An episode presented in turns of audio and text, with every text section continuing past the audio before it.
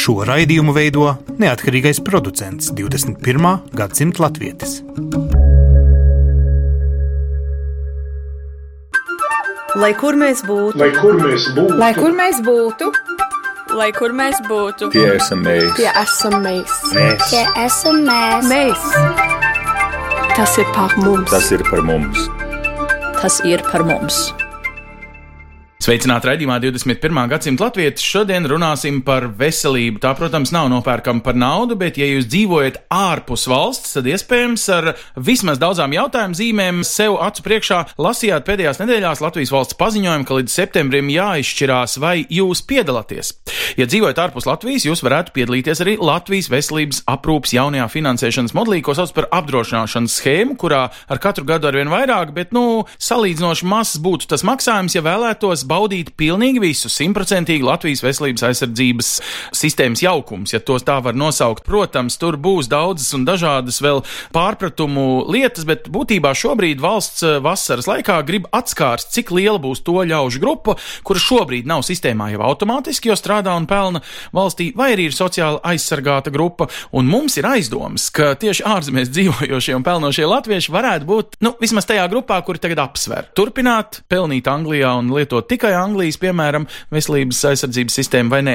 Daina Murmana un Braško veselības ministrijā ir valsts sekretāra vietniece tieši veselības politikas jautājumos, bet kas svarīgi pirms tam daudzus gadus vadījusi arī Nacionāla veselības dienestu, tātad zina no grāmatvedības un no politikas viedokļa šo jauno domu, par ko vienojās eh, Latvijas valsts svīri gada izskaņā, bet būtībā viss tas sāksies spēkā jau no septembra, reāli no nākamā gada 1. janvāra, tas tad, tad uz cilvēkiem aptiecas. Nu tad, Daina, kas man ir jāpaspēj līdz septembrim saprast, ja es nedzīvoju Latvijā un neesmu Latvijas nodokļu maksātājs? Nu, ja es nedzīvoju Latvijā un cilvēks nav nodokļu maksātājs, protams, ir pirmkārt jāsaprot, vai viņš gribēs veselības aprūpu saņemt Latvijā. Tas droši vien visbūtiskākais, jo Anglijas veselības aprūpas sistēma nav jau nemaz tā sliktākā. Viņu mm -hmm. vērtē, teiksim, Pasaules veselības organizācija gana labi. Tātad, ja cilvēks ir sapratis, ka viņš grib saņemt veselības aprūpi Latvijā, ja cilvēks arī ir sapratis, ka tas noteikti nav minimums, kas nozīmē neatliekamā palīdzība, kas nozīmē tikai ģimenes ārsts, ja cilvēks grib kaut ko vairāk, arī saņemt kaut kādus radioloģiskus izmeklējumus, kādu speciālistu, speciālistu konsultāciju, varbūt kādu operāciju dienas stacionārā, nu, kādu ķirurģisku operāciju, kaut ko tādu, tad noteikti ir jāveic šis tā sauktais brīvprātīgais maksājums. Un uh, pirmajā gadā, tātad, ja šogad, septembrī, Un es pirmai, iemaksāšu jā. 51,6 eiro, tas attieksies uz visu gadu. Tātad, ja šogad, sākot ar 1. septembri, Nacionālās veselības dienas ir gatavs ņemt šos maksājumus pretī, tātad iemaksājot 51,6 eiro, nākošu gadu cilvēks būs visam gadam apdrošināts. Tad atbraucot kaut vai vasaras brīvdienās, jau nevis šovasar, bet nākošu vasaru, pilnīgi droši vēru durvis vaļā un, nu, ne tā tiešā tekstā, ka ne par ko nemaksāju, nu, līdzmaksājums ārstu vizītē vai kam, jau Saglabājās, Latvijā nav atcelts. Bet tātad visi šie tie paši labumi, kas Latvijā dzīvojušam latvietim, ir pieejami tātad arī, piemēram, tam, kurš ikdienu pavadīja īrijā, bet, nezinu, valodas barjeras vai citu emocionālu sasaists iemeslu dēļ ar savu ārstu, vēl aizvien pie sava ārsta tiks. Jā, bet šādā gadījumā šis, jā, taisnība, šis ir vienreizējais maksājums. Tad drusku sarežģītā tā sistēma mums sanāk, ka tas 51 eiro ir tikai tad, ja viņš strādā Eiropas Savienībās vai Eiropas ekonomiskās zonas valstīs.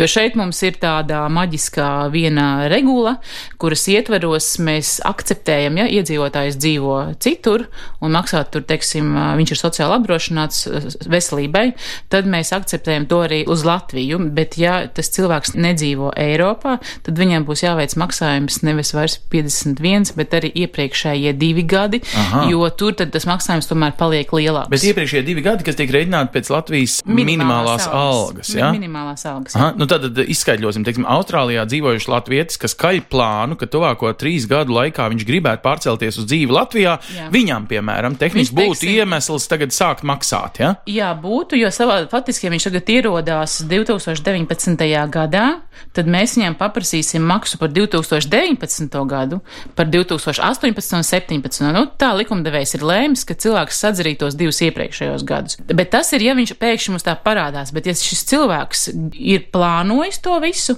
un veids šo maksājumu jau tajā septembrī līdz 1. janvārim, tad, protams, paliek tie 51 eiro. Tad šī ziņā ir labāk maksāt šo mazo periodiņu, Jā. teiksim, laicīgi, un tad viņš nosedz jau sev 19. Bet tā tad, nu, um, teiksim tā, reālā dzīvē uz tiem, kur šobrīd ir darba vai zinātniskās gaitās, teiksim, aizķērušies Eiropā, bet zina, ka pēc diviem, trim gadiem brauks atpakaļ uz Latviju, būtu jēga sākt piedalīties šajā sistēmā. Sākumā ar salīdzinoši maziem maksājumiem būsim atklāti. Uzreiz jāsaka, ja tu sāc piedalīties, tad tu jau 2019. gadā maksā reiz 3, tātad 154,8 eiro gadā, ja, mm. nevis mēnesī.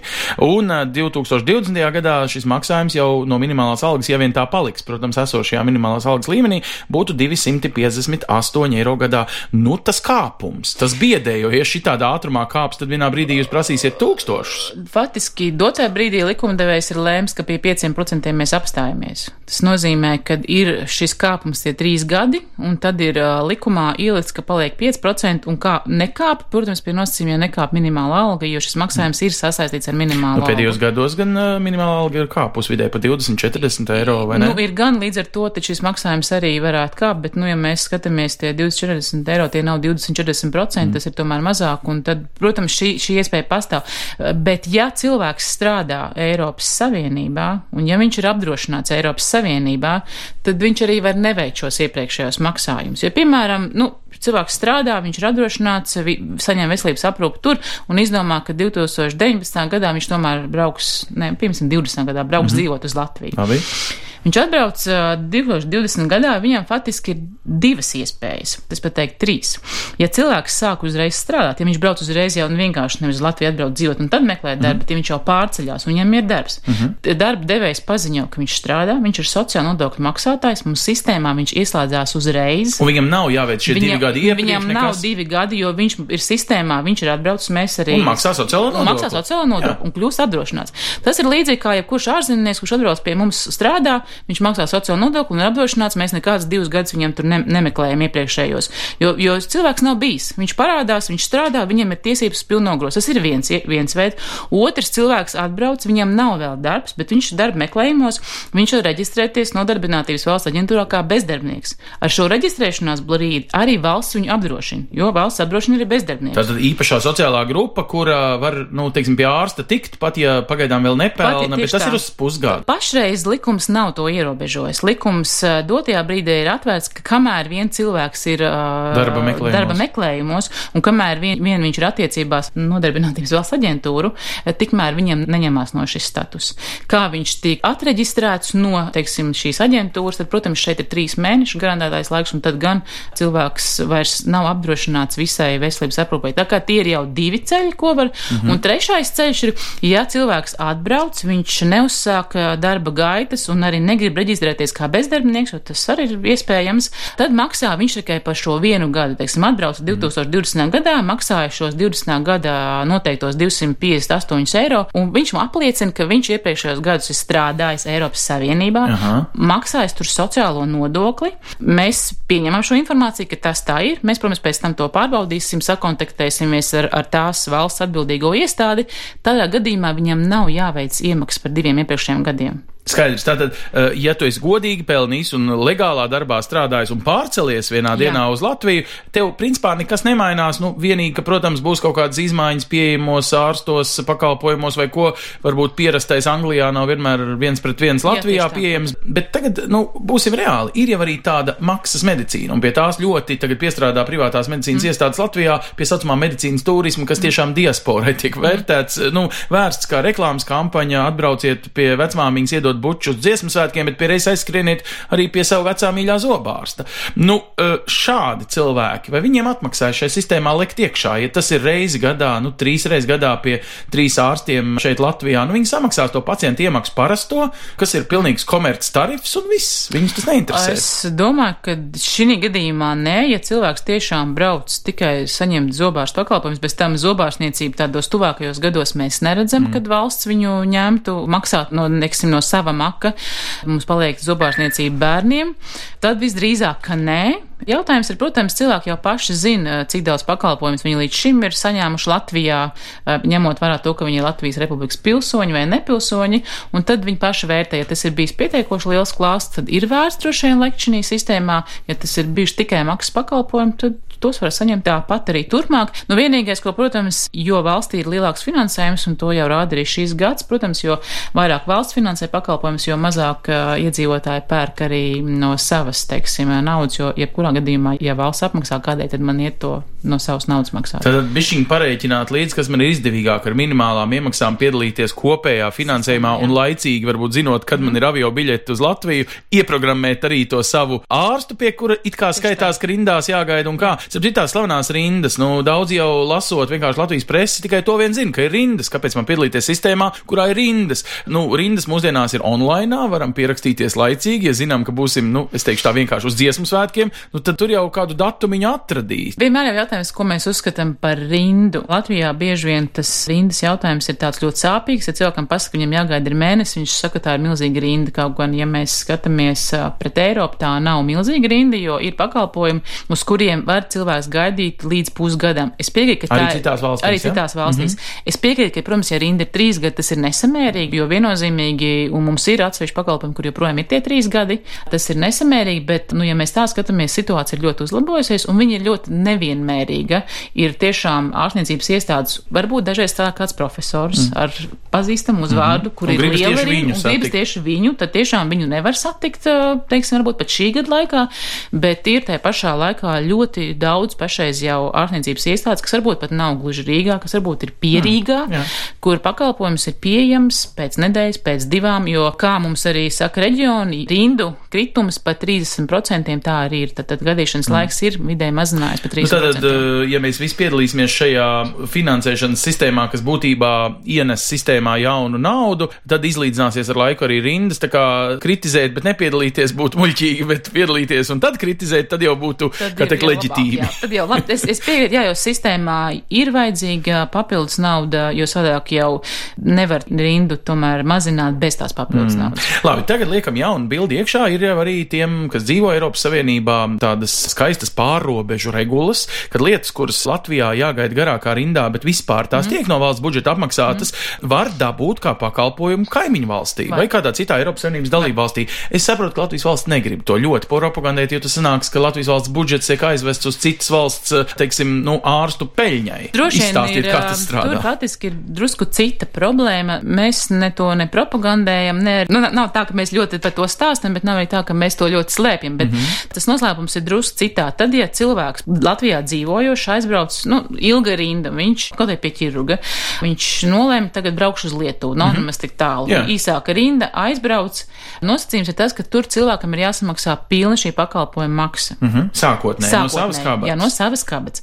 Pēc tam viņš atgriežas atpakaļ uz Latviju un iesniedz rēķinu Nacionālajai veselības dienestam. Dienas atmaksā atpakaļ, bet noslēpums ir tajā, ka ne visu summu. Dienas Aha. atmaksā tik atpakaļ, cik valsts par šo pakalpojumu maksā Latvijā. Un bieži vien ir tā, ka mums arī jau, nu, varbūt nevairs gluži ar Lietuvu, bet, teiksim, Igaunijā mēs noteikti zinām, ka pakalpojumi atsevišķi, kas ir dārgāk, jo tur vienkārši ārstu algas ir lielākas, mm -hmm. līdz ar mhm. to arī pakalpojumu vērtība lielāka. Nu, un runājot jau par Eiropu, jau, teiksim, par to veco Eiropu, ja tā var teikt, tur šis pakalpojums ir vēl dārgāks, un nevienmēr cilvēki ir gatavi veikt šo. Jā, bet ja ir tāds iekšējs izmisums, ka es netiek klāt tam, kas man liekas, man mm. ir vajadzīgs to līt, un es zinu, ka kaimiņu mm. valstī tas ir dabonams, nu, Tad kaut vai pāri robežai ar kājām, jā. valka valga pārējot, arī to var kārtot, var, nu, jā, vai ne tīri jā. praktiski. Mums ir dažas pilsētas valstī, kur eh, galvaspilsēta ir tālāk kā kaimiņu valsts pilsēta, vai Taisnība. ne? Nu, Valgā vēl pie tam, eh, cik mēs zinām, ir uh, slimnīca, Valkā jā. slimnīcas jau vairs nav, mm. tā kā valkas iedzīvotāji šo var izmantot.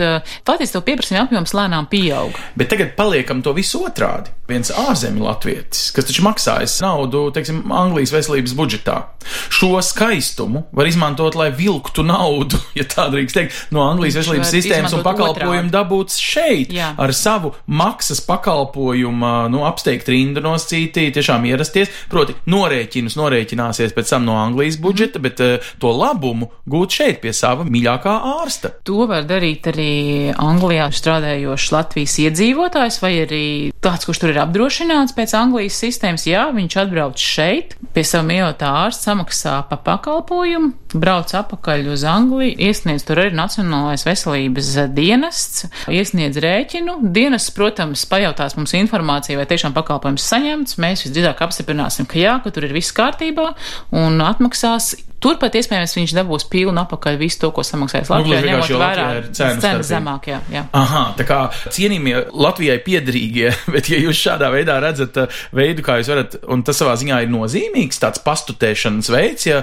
būtībā šādā veidā tiek ievesta nauda mūsu, ko mēs citreiz saucam par cauro veselības budžetu. Savā ziņā jā, jo mēs Latvijas pilsonis ir saņēmis šeit uh, pakalpojumu, viņš ir samaksājis. Protams, jo viņam atlīdzina uh, Lielbritānijas budžets. Viennozīmīgi tā ir nauda, kas nāk klāt mūsu veselības sistēmai. pieņemsim desmit gadus, viņš tur ir bijis nodokļu maksātājs, tad viņš jau nekrāpja arī Ne, Anglijas noteikti sistēmu. nē, pilnīgi noteikti nē, jo to paredz, uh, teiksim, šis regulējums, ka cilvēkiem ir pilnīgs tiesības tā darīt. Daina, nu tā reāli. Es saprotu, ka te darba devēja konfederācija bija sarēķinājusi sākotnēji, ka te vai katrs trešais no strādājošajiem valstī šobrīd varētu izkrist no šī valsts automātiski garantētās sistēmas, jo saņem kaut kādas aplokšņa algas vai ko. Jūs esat runājuši par pārdesmit tūkstošiem, nu varbūt līdz simt tūkstošiem šo cilvēku, kuriem vajadzētu atskārst, ka tagad līdz septembrim ir jāsaprot, vai es piedalos sistēmā vai nepiedalos Latvijā šajā veselības finansēšanas jaunajā vispār pieejā, kā mēs par savu veselību gādājam ilgtermiņā arī paši ar līdzmaksājumu. Nu, cik būs šādi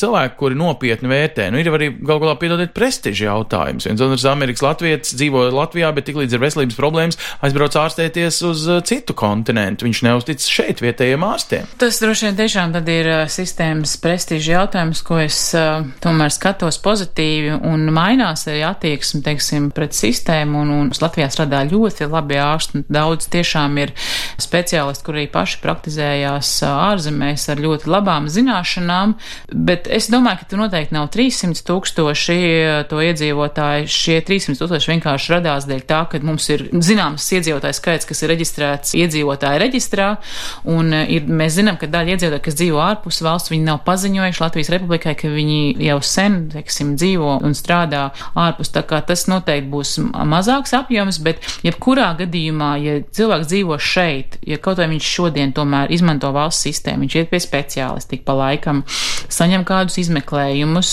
un saņem, teiksim, arī kompensējamās zāles, tad es tomēr ieteiktu šai sistēmai pievienoties, jo mēs arī no savas puses, piemēram, ļoti plānojam palielināt rehabilitācijas apjomu no valsts apmaksāto, tā kā es domāju, ka uh, kopumā, ja sistēmā palielinās, nu, rocība, ar ko mēs strādājam, mēs varam vairāk iedzīvotājiem piedāvāt pakalpojumus, un tam jāiet ir kopā. Ja mēs aicinām cilvēkus, teiksim, mobilizēties, maksāt valstī nodokļus, tad ir skaidrs, ka valstī jānāk pretī un jādod forši, jūs maksājat nodokļus, mēs jums piedāvājam vairāk to, to, to, to. Venezuela Jā, bet eh, tā pati filozofija jūs gribētu veicināt, lai cilvēki apzinās, ka viņiem šobrīd iestāties šajā sistēmā ar salīdzinoši pat maziem maksājumiem ir pats bāri ekonomiski, nu dubults dibens, ja tajā traukā, veselības savā traukā ir gan tas, kas ir tagad pieejams, kamēr dzīvo Eiropā, nu, un ja nu tiešām gadās tā, ka pēc pieciem gadiem tu jau dzīvo atkal Latvijā, nu tad patiesībā sāc piedalīties tagad, un tev ekonomiski tas pat ir lētāk, tev viss ir. Iesaistīties sistēmā ātrāk ir lētāk, jo tagad varēs, teiksim, veikt šīs iemaksas uz pakāpeniski audzējot, pēc tam ir likumā rakstīts, ka maksājot par iepriekšējiem gadiem nebūs iespēja maksāt šos pirmās lētākās iemaksas, bet būs jāmaksā uzreiz jau 5% iemaksas. Un tur arī no tā- reālās Un arī no reālās algas, nevis no algas. minimālās, Jā, vai ne? Jo tagad jau te viss tiek rēķināts tikai pēc minimālās algas, ka ir tāda maza iesildīšanās. Labi, viss šī jaunā uzburtā sistēma lieliski atrisinās. Šī veselības sistēma saņems tik, cik viņai vajag naudas, vai tas ir tāds ieskrējiens mazs plāksterīts lielam caurumam, kas nenosedz faktiski visu caurumu? Nu, tas pirmais uh, plāksterīts, es neteiktu, ir mazs, viņš ir diezgan paliels, tas šī gada plāksteris. Uh, ja nākošu gadu uh, mēs, nu, es, protams, nedomāju, ka tie būs varbūt 200 miljoni, bet ja mēs runājam vēl par kādiem 100 miljoniem, tad tas ir vēl viens diezgan nopietnas plāksteris sistēmā.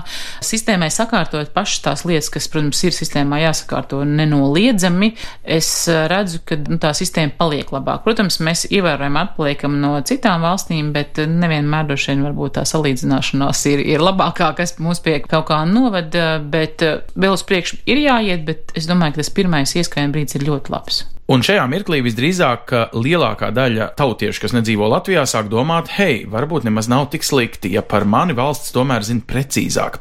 Tāpēc pilsonības migrācijas lietu pārvaldē tagad arī ir jauns regulējums, proti, cik ātrā laikā, kopš dzīvojat ārpus Latvijas, jums ir tomēr jāpasaka, kāda ir jūsu jaunā adrese. Un pat ja jums Latvijā vēl aizvien paliek jūsu kaut vai īpašumā esoša kāda māja, kā tāda pamata vai otra adrese, būtu forši, ja valsts zinātu, kur jūs dzīvojat, cik ilgi dzīvojat, jo šī uzskaita var nākt pašam par labu, kaut vai lai tiktu pie šiem sociālajiem labumiem. Ieklausīsimies pilsonības migrācijas lietu departamenta skaidrojumā par jauno kārtību, kas jāzina katram, kurš dzīvo ārzemēs, bet ir saistīts ar Latviju.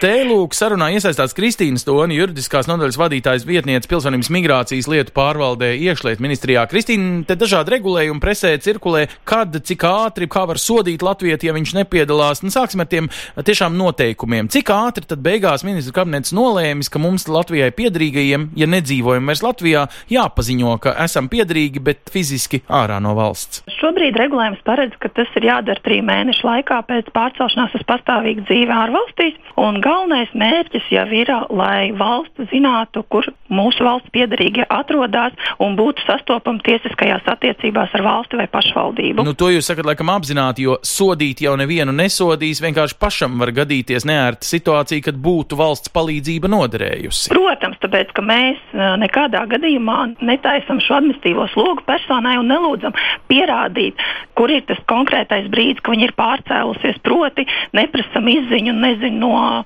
ārvalstu institūcijas, pašvaldību kaut kādas iestādes, ka tiešām mūsu piedarīgais tur dzīvo. Tā tad, pat ja es patiesībā nodzīvoju tur 13 gadus, neviens par to nav zinājis, bet tagad es paziņoju, tad Jā. nedz kāds skaitīs, ka patiesībā es nokavēju tos trīs mēnešus, nedz arī nu, kāds, tā teikt, sitīs par to. Protams, tāpēc mēs jau nezinām. Mēs tieši aicinām tās visas personas, kas dzīvo tur un grib būt, lai viņi ir sasniedzami, lai valsts tiešām zinātu, kur viņa valsts piedarīgie dzīvo, tad uh, būtu nepieciešams uh, šī paziņošana. Kristīna, kas ir tie biežākie gadījumi, kad cilvēkiem nākas liet gaužu sasaras un nožēlot, ka viņi valstī savulaik nav ziņojuši, ka nemaz nedzīvo Latvijā? Gan jau ir arī kādi tādi mirkļi, ja es būtu to zinājis. Mm, diemžēl nē, manā praksē nav līdz manim nonākuši šie gadījumi, kad viņi pārdzīvot, ka viņi nav pateikuši. Bet nākotnē tādi varētu būt, nu kaut vai šajā sakarā par to, vai tu esi iekšā vai ārā no veselības aizsardzības labumiem,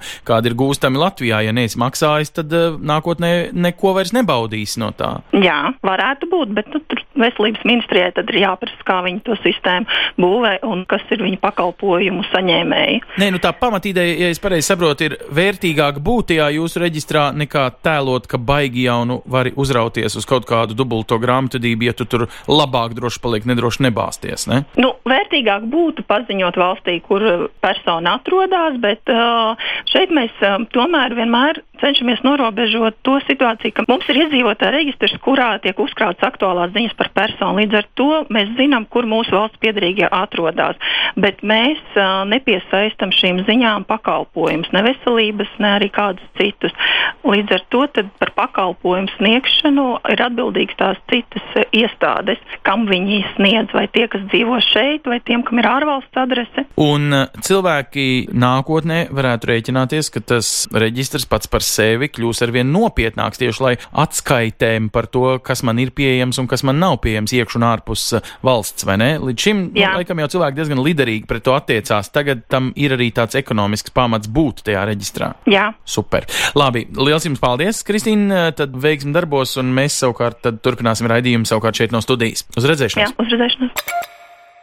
Un mēs turpinām sarunu ar Dainu Mūrmanu un Braško. Viņa ir eh, valsts sekretāra vietniece veselības ministrijā eh, tieši veselības politikas jautājumos. Un, kā jums liekas, Daina, vai ārzemēs dzīvojušie latvieši lieliski apzinās, nu kaut vai tās evak, ja es uz mirkli izbraucu, tās īsti nav tomēr domātas pastāvīgas dzīves eh, iespējām ārpus Latvijas. Vai tās arī neļaun izmanto, nu kaut vai tagad vasarā cilvēki var sajaukt, ja viņi brauks uz trīs mēnešiem, varbūt piepelnīties vasaras darbos pie kāda lauksaimnieka novākt ražu. Viņi domās, ka viņi ir pilnībā ideāli apdrošināti un kāds nelaimes gadījums uh, tiks nosakts ar šo kaut vai Eiropas Savienības evak uh, karti. Cik tālu cilvēkiem ir skaidra šī sistēma, ko maksā Eiropa, Par, ko maksā? Drusku par to evaku arī strādājot dienestā, es saprotu, ka cilvēki pārvērtē to evaku, bet var teikt, to tvērumu, mm -hmm. jo cilvēkiem liekas, ja viņi izņēmuši ir evaku karti, tad uh, viņi tagad ir apdrošināti uz visu. Tā, protams, gluži nav. Faktiski viņi tiešām apdrošina tos gadījumus, ja cilvēks izbrauc īslaicīgi no valsts, un viņi tiešām ar viņu atgadās kaut kas pilnīgi neplānots. Tur evaks noteikti neseks kaut kādu plānveidā, kaut vai to pašu zobārstu vai plānveidē, ja ir plāna operācija. Nu, teiksim, tā, ja sastrutojas zobs, tad tik cik izraut, ja? Tieši tā, bet tas ir katrā gadījumā tas pakalpojums, kas iepriekš nav bijis zināms. Mm -hmm. Ja es aizbraucu, jūtos vesels, pēkšņi saslimstu, evak der. Es jau aizbraucu slims, jau kaut ko biju zinājis, ka braucu, jo faktiski valsts iespējas palielinās arī šos gadījumus izķert. Nu, man jāatzīst, ka tiemžēl cilvēki izmanto arī ļaunprātīgi evak. Ir gadījumi, nu, mēs arī to zinām, ka cilvēki dzīvo ilgstoši kādā valstī, viņi šajā valstī neapdrošinās zinām iemeslu dēļ. Nu, nu būtībā viņi strādā nelegāli tajā nu, valstī.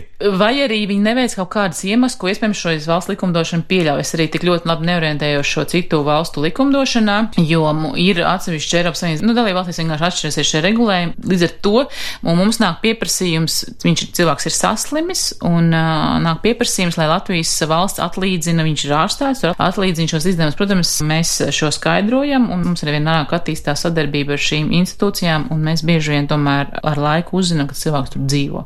Un šī gadījumā viņiem šie veselības aprūpes pēc tam tie pakalpojumi, tiek. Bet tad sanāk tā, nelegāli, tad apkrāpdams būtībā divas valstis.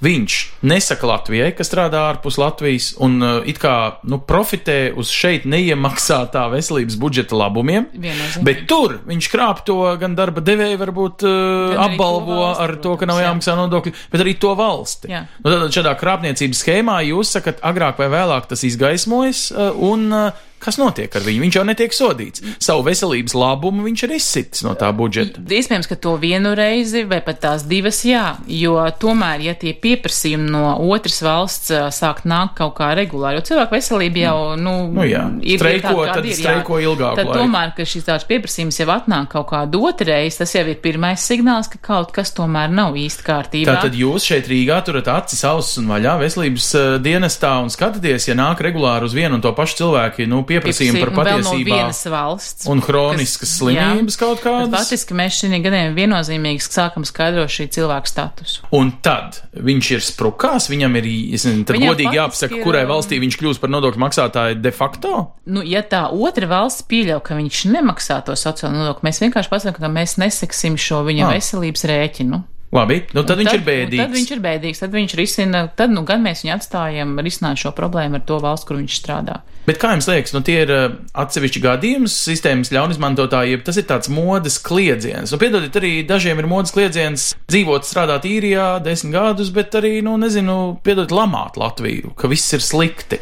Nu, varbūt, ka tie ir apmēram tādi līmeņi cilvēki, kas nekad, nekur negribēs piedalīties un uz citu rēķinu tikai dzīvot. Es domāju, ka tas noteikti nav kaut kāds absolūtais ā, šo cilvēku vairākums, ka tomēr lielākā daļa jau cilvēku, it sevišķi, ja viņi vēl ir gados jauni, un ja viņiem ir ģimenes, viņi tomēr normāli legalizē savu statusu un, un, un, un maksā tajā valstī nodokļus un kļūst tajā valstī, kur viņi strādā apdrošināt. Attiecīgi, tie ļaunprāši ir uz mūsu abu roku pirkstiem saskaitāmi vai vajadzīgi Nu, nu, vai- tūkstoši roku?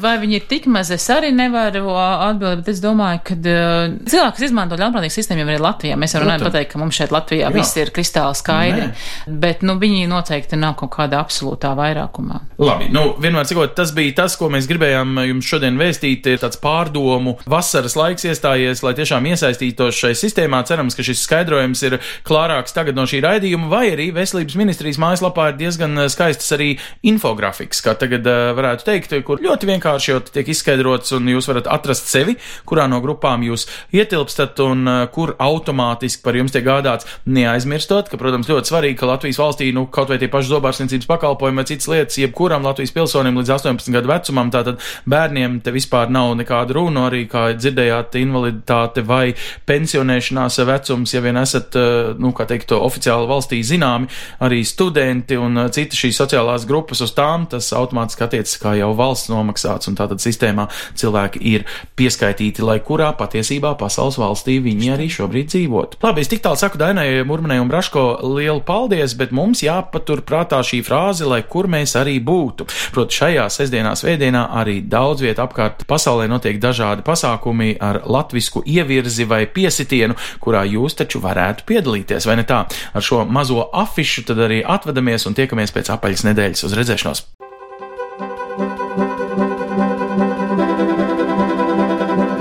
Sadarbībā ar, Ar latviešu.com piedāvājam, globālais latviešu notikuma apskats, kur ir tur rodas. kur ir tur rodas.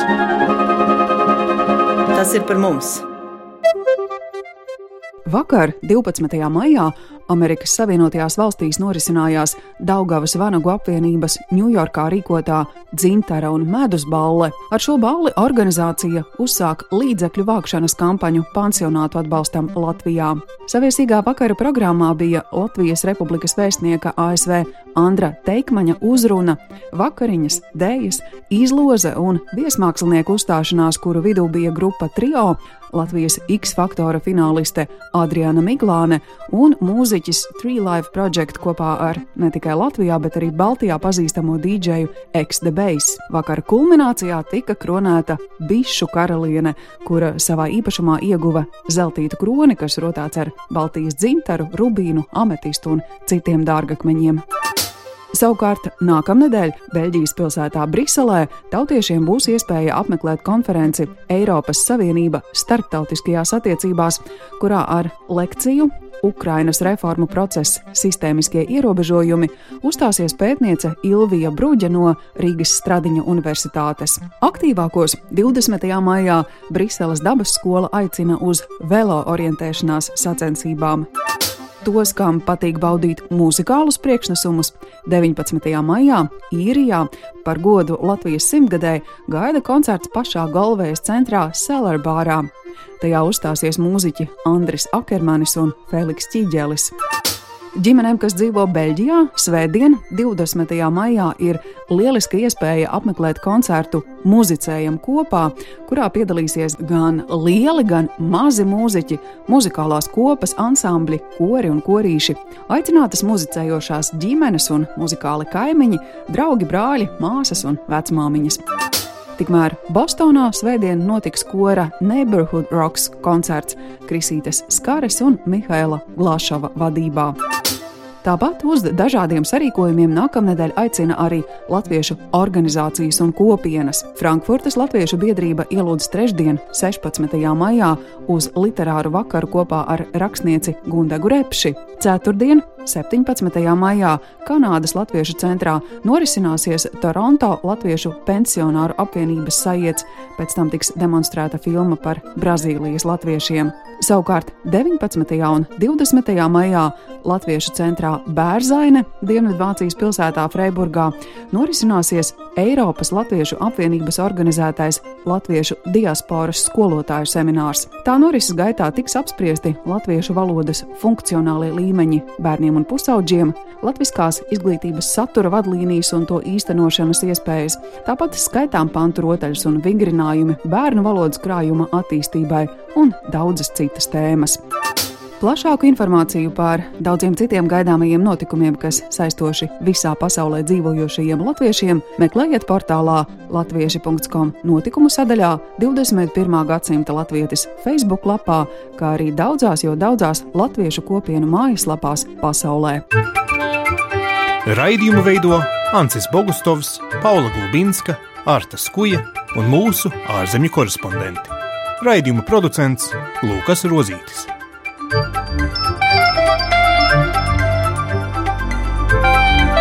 Lai kur mēs būtu, Lai kur mēs būtu, Tas ir par mums. Tiesa mēs. tas ir par mums. Tie esam mēs. Tie esam mēs. Tie esam mēs.